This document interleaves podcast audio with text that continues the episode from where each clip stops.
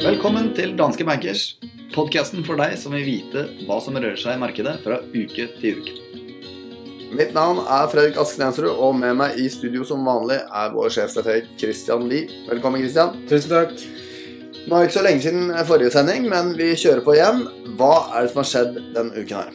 Ja, denne uken her har egentlig vært eh, ganske stillestående i aksjemarkedet. Hvis vi ser på de siste fem dagene, så har det ikke skjedd eh, all verden med tanke på retning. Eh, selv om oktober, hvis vi ser på det under ett, så har det vært egentlig en ja, risk on, som man sier i, i de finere kretser. Med stigende aksjekurser siden månedsskiftet, drevet av optimisme knyttet til dialogen mellom USA og og Kina, og ikke minst eh, en redusert sannsynlighet for en no deal eh, brexit, som vi kan komme litt eh, tilbake til. Ellers så preges nyhetene av rapporteringssesongen både i USA og i Europa, inkludert i Norge. Og hvis vi ser på, på, USA, så har det stort sett vært eh, positive overraskelser eh, fra selskapene. Men det vi også skal huske på, er at eh, i forkant av rapporteringssesongen så har jo forventningene og estimatene blitt eh, nedjustert eh, kraftig. Og det gjør jo at det blir lettere for selskapene også å overraske positivt. Så det er ikke sikkert man skal legge så altfor mye i det. Men når det gjelder eh, utsiktene for selskapsinntjening og hvordan det kan påvirke aksjemarkedet fremover, så ser vi at analytikerne fortsetter å nedjustere flere estimater enn det de oppjusterer, og spesielt i USA så har nedjusteringene bare den siste uken for 2020-estimatene eh, vært den kraftigste siden januar i år.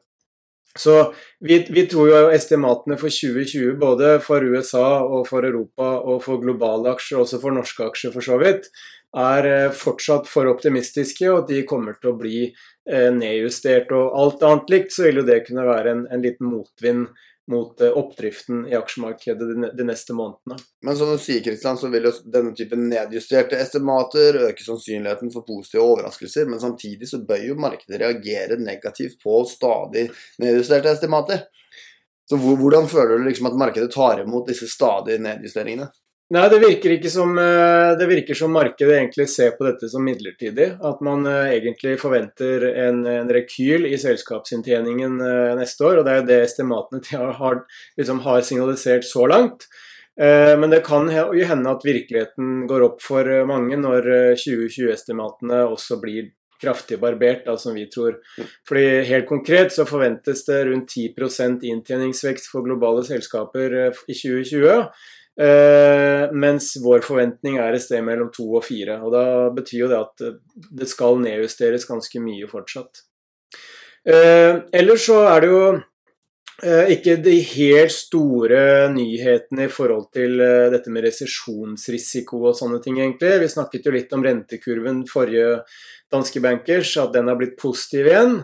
Uh, og på, på, nyhetsfronten ellers er det ingen tydelige signaler på, på retning. Vi får flere nøkkeltall uh, de neste dagene og, og, neste uke for så vidt også, som kan gi oss uh, mer kjøtt på beinet. Men det er en ting som vi kanskje ikke har snakket så mye om, for vi har jo hatt en litt sånn negativ tilt og, og fokusert mye på oppbremsingen i verdensøkonomien osv. de siste danske bankers-sendingene. men en eh, hypotese som egentlig er veldig interessant, og som vi driver og kikker mye på, det er jo hvorvidt den oppbremsingen i industrisektoren spesielt ikke er så drevet av handelskrigen som det man kanskje skulle tro basert på overskriftene.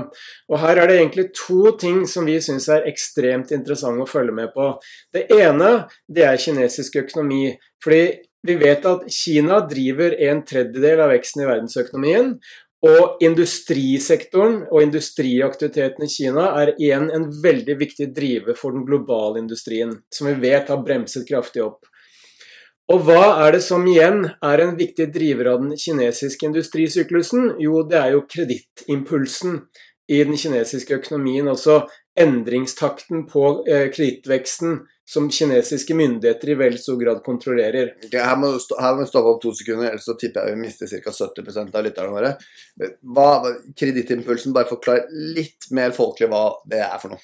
Altså, Vi vet jo at uh, de, de, kinesiske myndighetene har ganske god kontroll på bankene sine, og de kan også uh, gjennom ulike tiltak uh, tillate eller begrense økt utlånsaktivitet utenfor banksektoren i den såkalte skygge sektoren.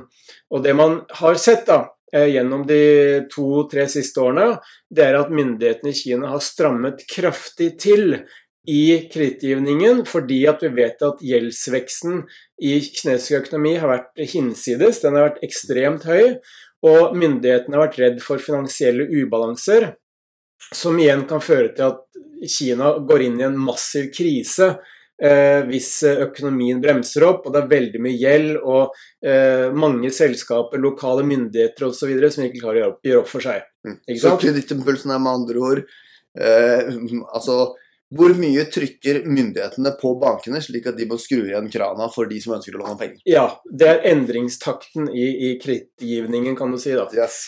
Og den har rett og slett eh, bremset kraftig opp de siste to-tre årene. Mm.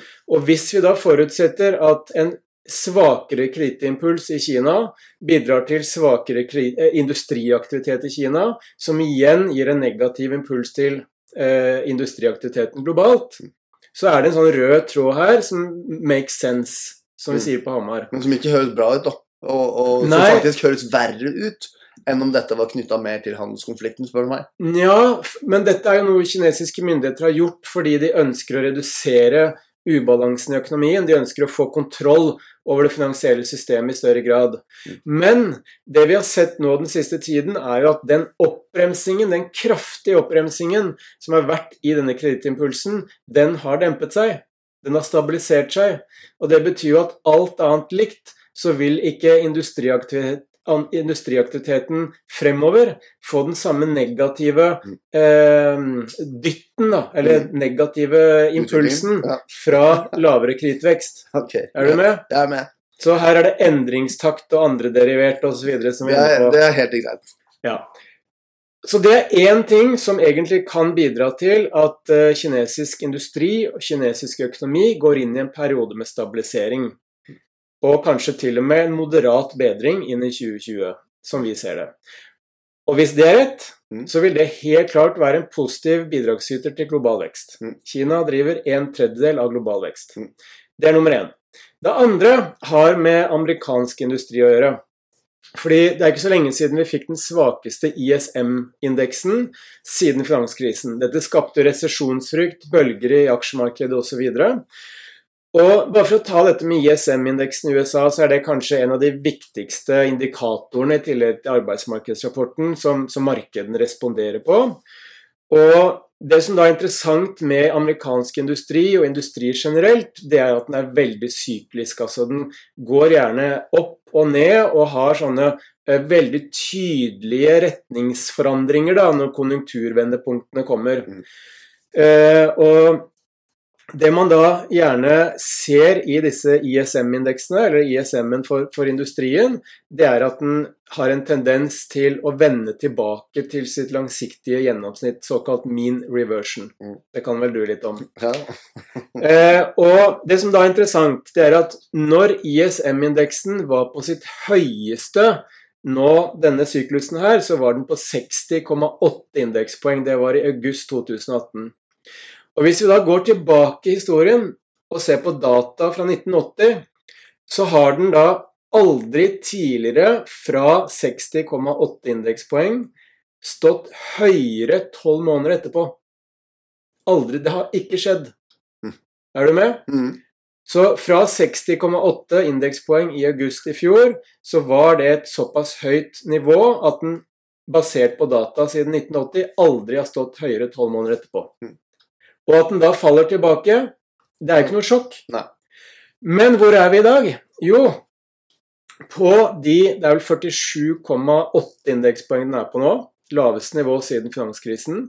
Men basert på data siden 1981, så er det da, slik vi ser det, rundt 75% sannsynlighet for at den vil stå høyere tolv måneder fra i dag. Mhm. Basert på historien. Ja. Og hvis vi da har rett, at ISM-indeksen vil stå høyere om tolv måneder fra i dag, så har vi også sett på sammenhengen mellom ISM og aksjeavkastning. Og det vi finner, er at så godt som all avkastning i SMP 500-indeksen, den skapes når ISM-indeksen stiger. Er du med? Er helt med. Så dette er egentlig en sånn hypotese om at uh, hvis handelskrigen kanskje ikke har så stor betydning på industrisyklusen som det man skulle tro, Mm. så er dette en mer en sånn naturlig oppbremsing etter en veldig uh, boom i industriaktiviteten både i Kina og også i USA fra slutten av 2016 inn i 2017, og hvor Trump sine skatteretter og finanspolitikk også bidro til en boost inn i 2018 i USA.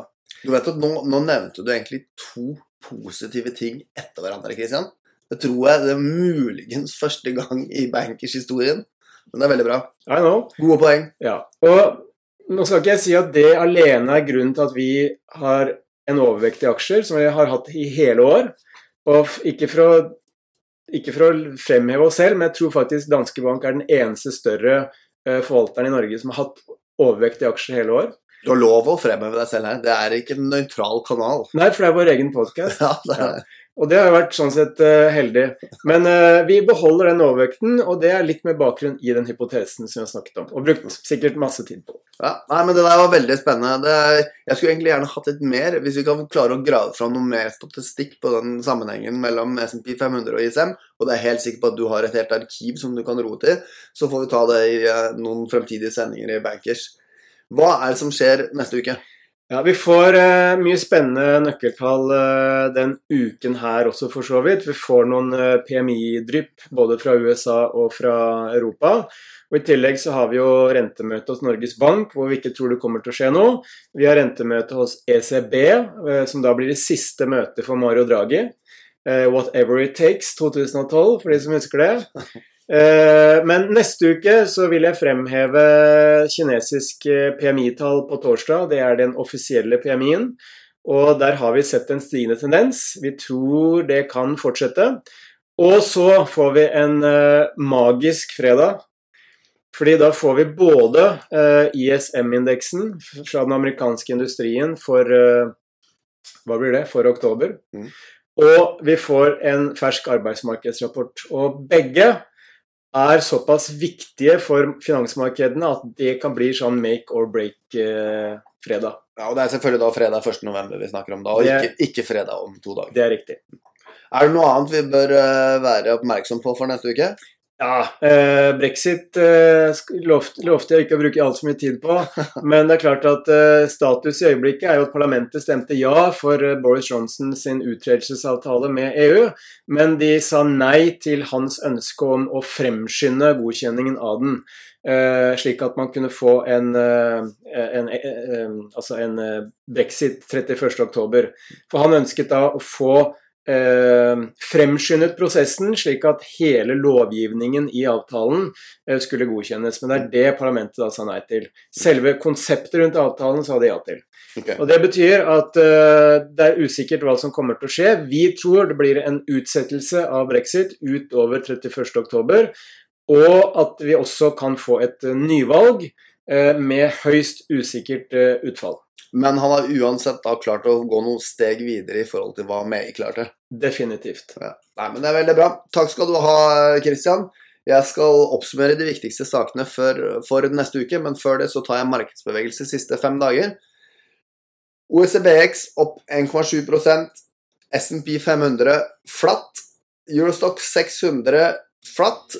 Og oljeprisen opp 0,3 De viktigste sakene for neste uke er eh, PMI fra Kina på torsdag midt på natta. Eh, vi får da selvfølgelig de viktigste tallene for måneden eh, neste fredag, og det er ISM-indeksen fra USA på fredag klokken fire, og arbeidsmarkedsrapporten fra USA klokken halv tre neste fredag. Det var alt vi hadde i ukens Danske Bankers. Vi høres.